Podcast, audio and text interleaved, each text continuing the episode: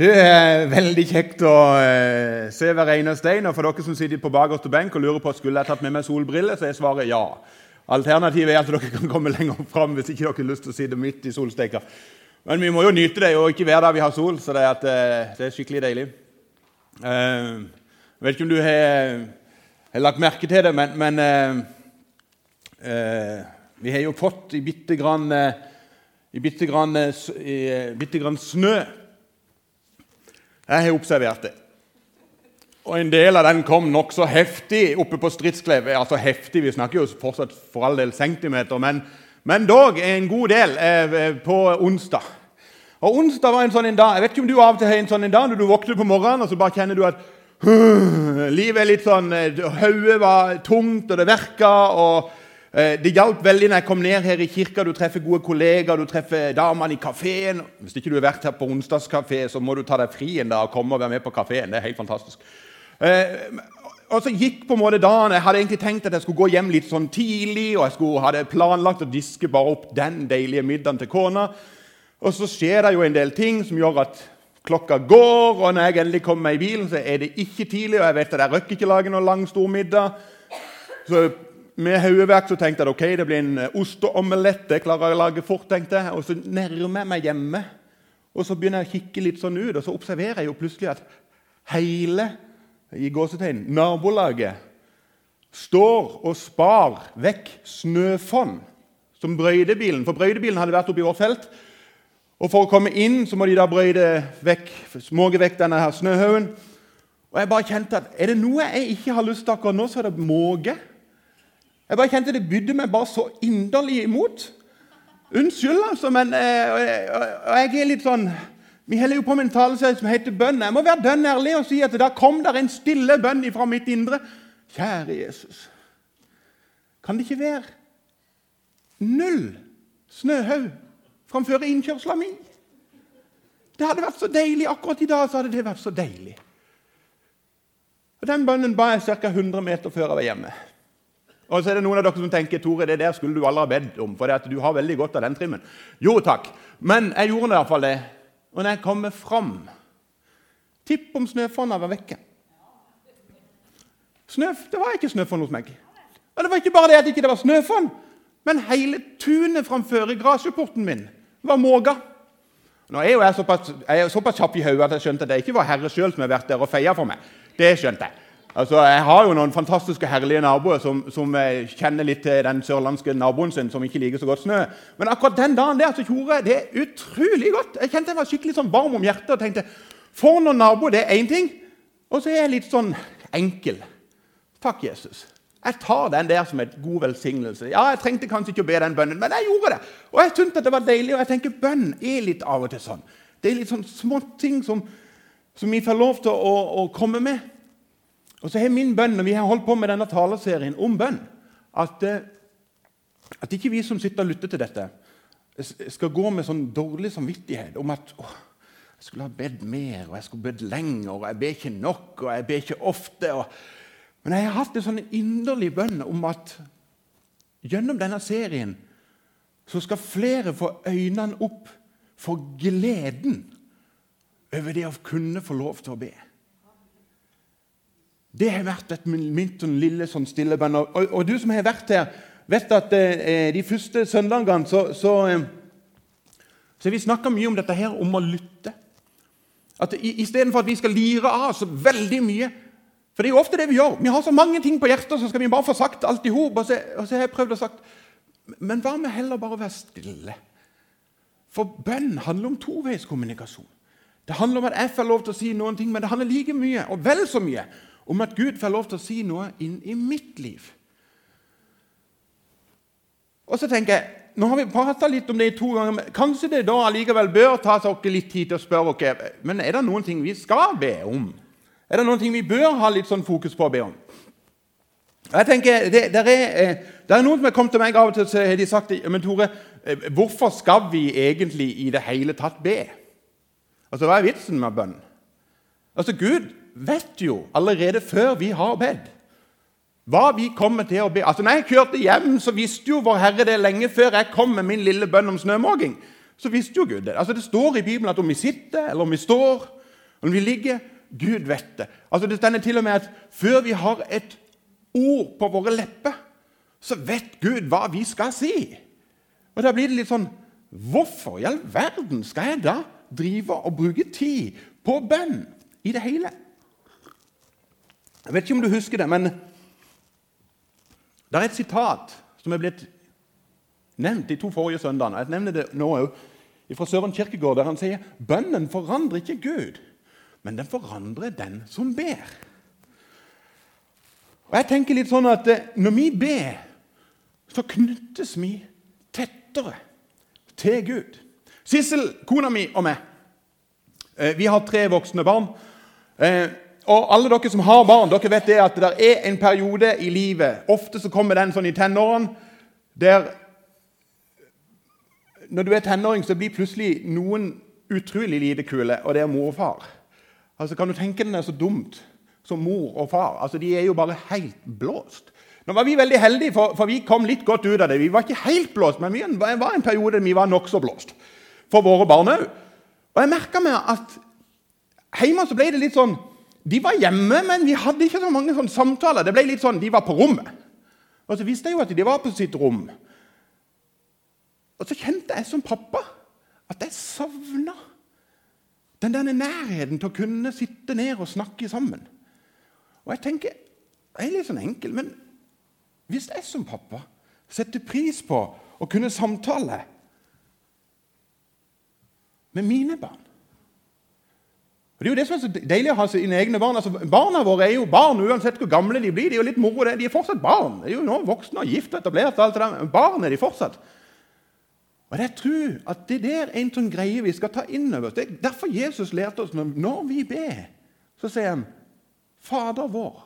Altså Vi henvender oss til vår himmelske pappa. Og når jeg som vanlig pappa setter så pris på å få lov til å ha en samtale med mine barn, så tenker jeg det ønsker Gud òg. Han ønsker at hans barn skal få lov til å komme med absolutt alt det som ligger deg på hjertet.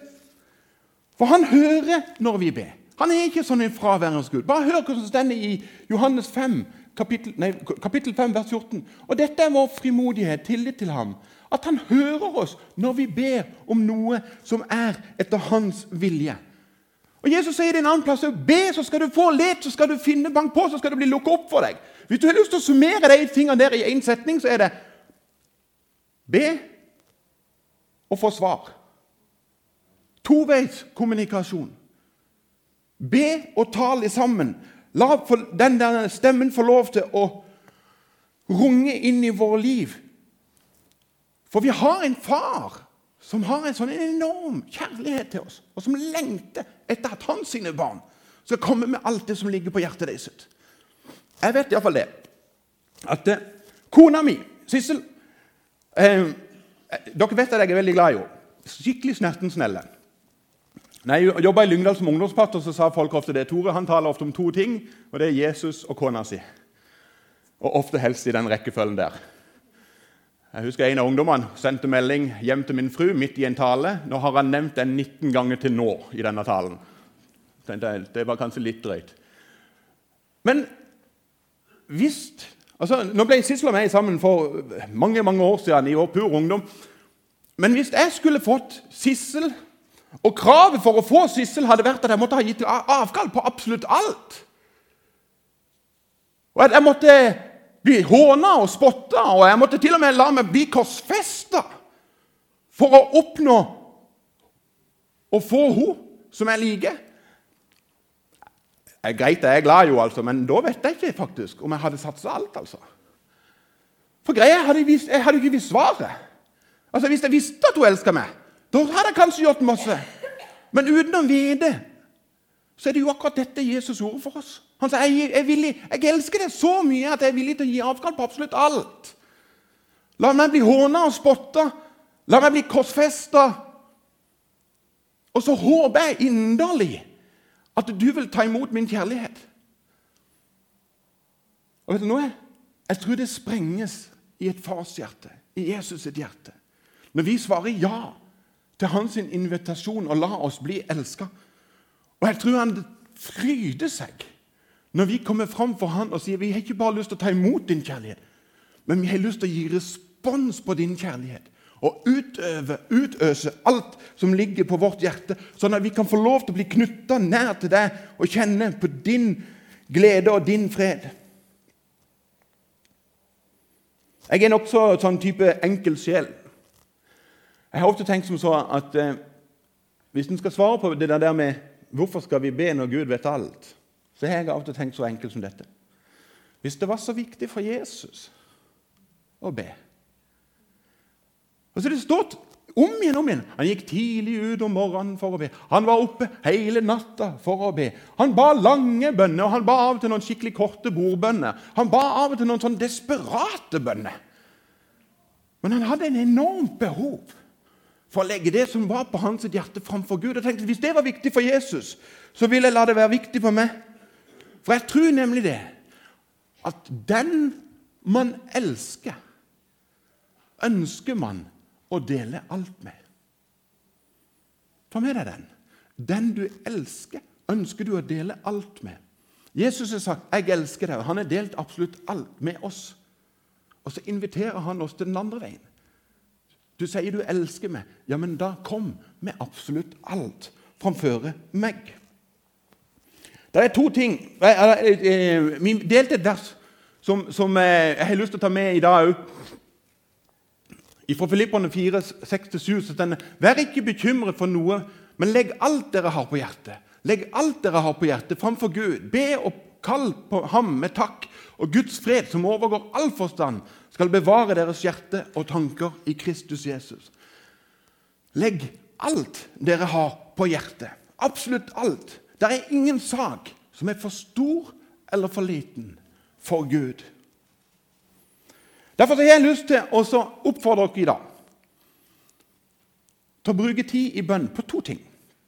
Bibelen oppfører dere til å bruke tid i bønn om ganske mange ting. Han blant annet sier i Guds ord at vi skal be for de som er, er, styrer landet vårt, altså konger, regjering og statsminister og alle sånne ting. Det står det at vi skal be for, og det syns jeg vi skal gjøre, eh, for det tror jeg de trenger. Og så skal vi eh, be for de som er ledere, og vi skal be for de som er eh, ledere i menighetssammenheng. Og det står at vi skal be for israelsfolket, og vi skal be om velsignelse for Israel. og Altså, Alle disse tingene her er kjempebra og kjempeviktig. Men jeg har lyst til å løfte opp to helt andre ting som jeg tenker er viktig. Når vi har lytta lenge, så er det disse to tingene her jeg har lyst til å på en måte utfordre deg til å ta med deg videre i hverdagen. Og Det ene er dette her. Be om forbønn. Altså, I Nytestamentet så stender det om en kar som har satt noen umåtelige fotavtrykk i vår historie. Altså, Han gjorde noen vanvittige reiser for å spre evangeliet til flest mulig folk. Han sto i noen fantastiske vekkelser. Noen plasser så sto han i flere år. Og han gjorde kjempemasse. Han hadde et rikt bønneliv, og han opplevde at Gud gjorde store under når han ba. Den ene plassen så stender det til og med at han vekka opp en som hadde dødd. Han hadde talt så lenge at det var noen som til slutt sovna.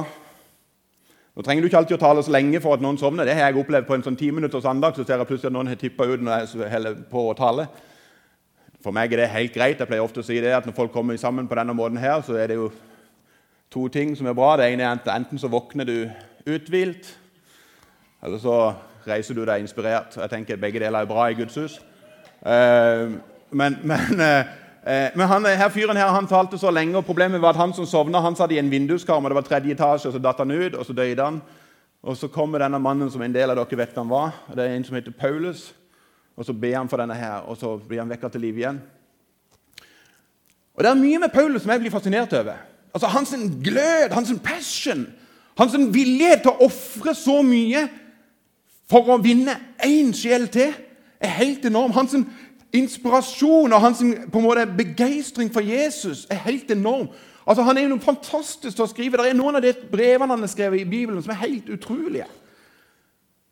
Alle de tingene der fascinerer meg over.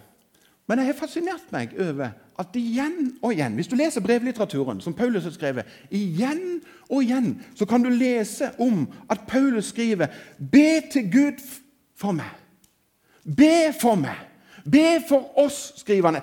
I, for eksempel i Romerne så skriver han dette her i, i 1530. Jeg ber dere, søsken, ved vår Herre Jesus Kristus og ved den kjærlighet som Ånden gir, kjem sammen med meg ved å be til Gud for meg. Og Av når jeg leste så jeg tenkte kjære min tid, Paulus. Altså, Du var jo en bønnekjempe. Hva er grunnen til at du har behov for at noen skal be for deg? Altså, Trenger du det sånn? Og så tenker jeg hvis Paulus trenger det, så tror jeg kanskje at det er noe som vi skal ta med oss. Men Sissel og vi til, ble spurt om å komme til Porsgrunn og flytte hit, og vi hadde svart ja, da tok jeg en ringerunde rundt til en del mennesker som jeg kjenner. Så fortalte de at vi skulle til Porsgrunn. Og så sa jeg Kan du være med og be for oss? Kan du skrive oss opp og huske på oss? Og Så var det en masse mennesker som sa ja, det ønsker vi å gjøre. Så kom vi hit. Og så opplevde vi at det er mennesker som er kommet til oss og sa vet du noe, Tore, vi ber for Sissel og deg. Vi husker på dere i bønn. Og så kjenner jeg vet du noe, det varmer mitt hjerte enormt. For jeg har så tro på at bønn er viktig, og at det gjør noe med oss. Og Når vi ber for hverandre og indikerer at vi vil være med og be for hverandre, så sier vi òg veldig tydelig at vi ønsker å stå sammen om å bygge Guds rike. Vi skal få lov til å stå skulder til skulder. Noen ganger så kan vi gjøre sånn som jeg gjorde, at vi spør litt sånn generelt kan dere huske på oss. Men jeg tror vi oftere skulle tørre oss å spørre noen helt sånn ansikt til ansikt og så sier du, kan du be for meg akkurat nå? For akkurat nå er livet litt sånn tøft. Kan du be for meg akkurat nå, for jeg står i en eller annen sånn spesiell situasjon der jeg trenger litt forbønn? Eller kanskje det er bare en sånn kjempeopptur der du bare kjenner at just nå er livet bare så helt utrolig deilig. Kan du tenke deg å være med og be om at den gleden skal jeg få lov til å spare på og ha og grunne på i mitt hjerte, sånn at jeg aldri glemmer det. Det å invitere mennesker inn i sitt liv og si vet du noe, jeg trenger at du husker på meg i bønn. I bønn. Vi er noen enkle mennesker. Vi er noen enkle sjeler. Og Dessverre så lever vi i et samfunn der fasade er enormt viktig. Og det er veldig mange som har faktisk sagt til meg at det, jeg syns det er litt sånn ydmykende å be folk om forbønn. Det virker jo mer som, som at jeg ikke får til livet. Og så tenker jeg med meg sjøl Nei, men det gjør vi jo ikke. Vi fikser jo ikke dette her. Det er jo derfor vi har sagt Jesus, vi trenger deg. Ikke vær redd for å la andre mennesker få lov til å be for deg. Denne maska, kast henne om du kan. Jeg trenger Jesus til å på en måte få lov til å forandre meg.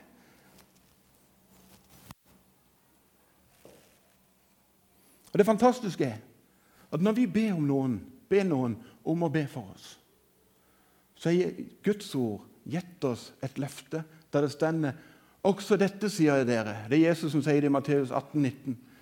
Dersom to av dere her på jord blir enige om å be om noe, hva det enn er, skal de få det av min far i himmelen. Det to eller tre blir enige om, skal vi få, står det. Og så La oss vi det forrige verset, det er viktig for seg, når vi ber til Guds vilje. At ikke det bare min vilje og min altså Den bønnen jeg nevnte i forbindelsen, det er en skikkelig egoistisk bønn. For det handler bare om at jeg skulle bare få det veldig mye greiere. Men Jesus sier, 'Be etter Guds vilje'. Jesus gjorde det. Når han hadde en desperat bønn i Getsemane, når han på en måte syntes at livet var så tøffest som alle før, og han sier, 'Gud, kan jeg få lov til å slippe å gå korsveien? Og så legger han til den lille bønnen. Ikke som jeg vil, men sånn som du vil. Når vi ber 'Skje din vilje, Gud', så sier vi egentlig 'Gud, du er større enn meg'. Du har den store, fulle oversikten, og jeg har tillit til at nå har jeg kommet med alt som lå på mitt hjerte. Og så lar du din vilje skje. Jeg sa jeg skulle nevne to ting i dag. Og Det andre tingen jeg har lyst til å nevne, det er dette her at eh, i, i tillegg til å la deg bli bedt for, så er det dette be for andre. Be for andre. Da jeg var liten Det er litt vanskelig å se det føre seg når du ser på denne her størrelsen i dag. Eh, det var kanskje ikke så rart at det var ei som kom bort til min mor en gang og så sa hun, hadde aldri truffet min mor før, og så sa hun at jeg hadde faktisk trodd at du var mye større. For mor mi er ikke så stor. Eh, nå kom jeg heldigvis ikke i fullformat når jeg kom ut.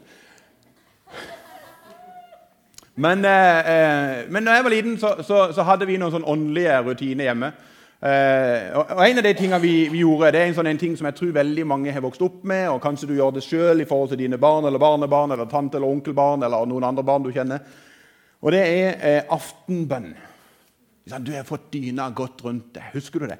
Jeg husker det iallfall kjempegodt. Jeg har fått dyna godt rundt med Mamma hadde ofte så pakka hun godt sånn rundt. Jeg lå jo som sånn en annen mumie der. Og så, eh, så, skulle vi be. og Vi hadde en sånn en fast bønneopplegg. og det var Først så ba vi Fader vår i sammen. Altså, Fader vår, du som er i himmelen.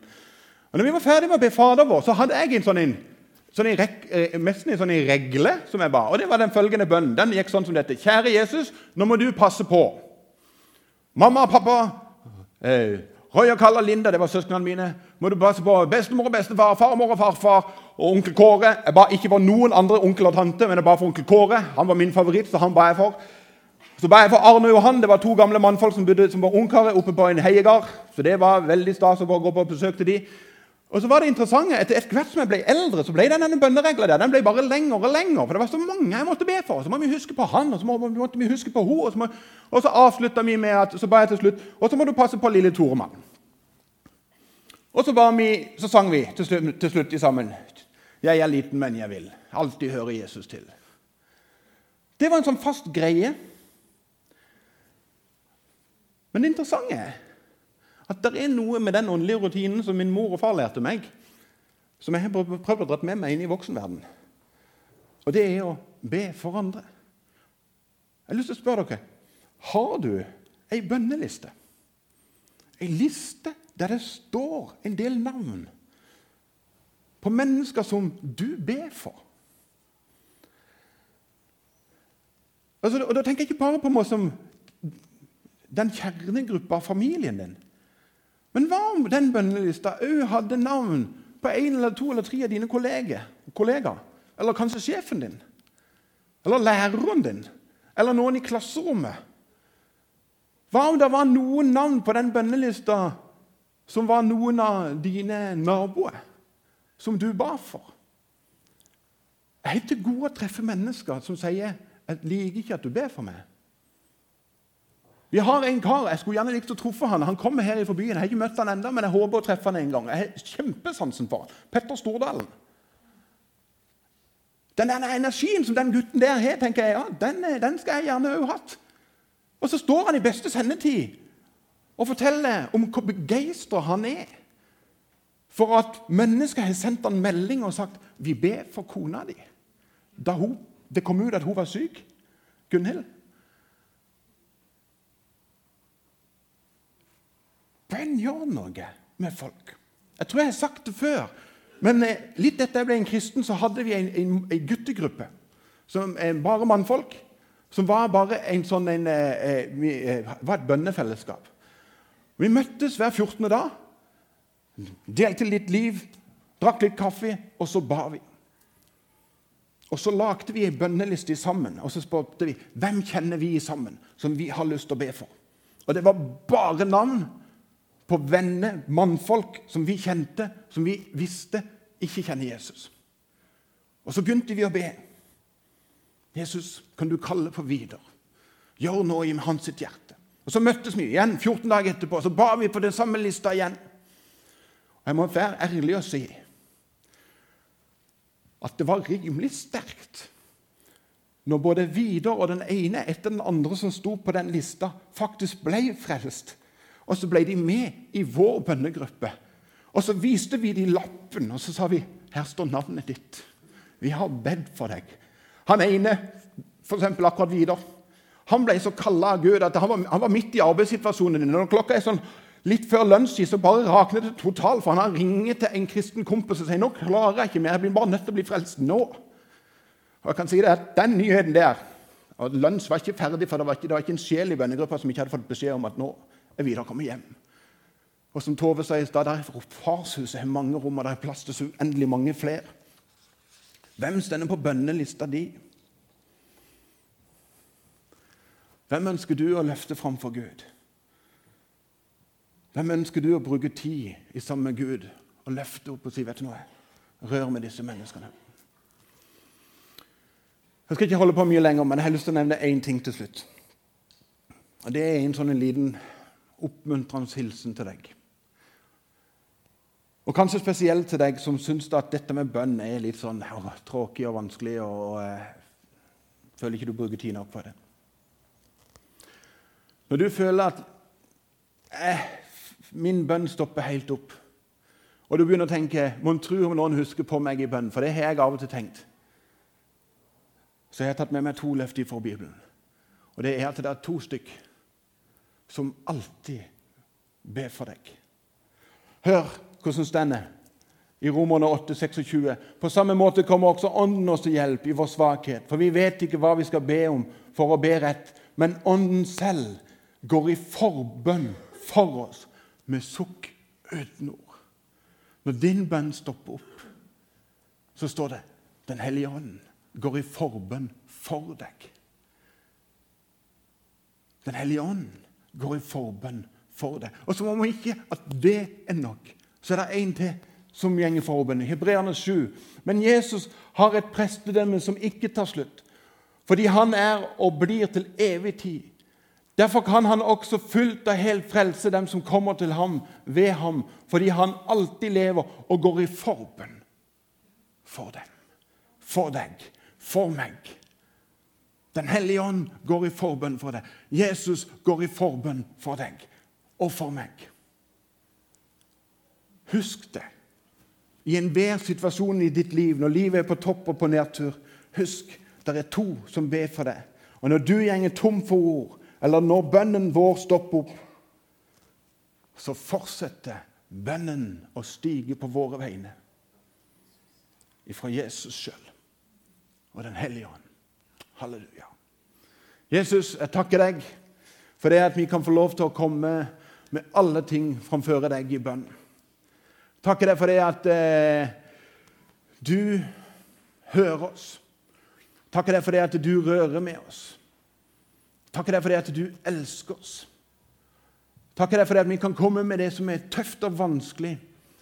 Jeg takker deg for det at vi kan komme med det som er lett. Jeg ber deg, Jesus, om at vi alltid øser alle ting framfor deg som ligger på vårt hjerte. Hjelp oss når vi har gjort det, Jesus, til å være stille lenge nok til å høre din stemme. Si høyt og tydelig, 'Du er mitt elskede barn'.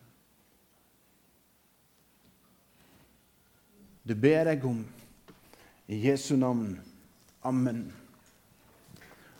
Vi skal synge et par lovsanger til slutt. En av de tingene som jeg syns er fantastisk med denne menigheten, det er at dette her med forbønn Det vet at mange gjør. Vi har en forbønnskrok, og den er åpen nå. Mens vi synger de siste sangene, så er det en forbønnskrok som er åpen. Der kan du få lov til å, å gå.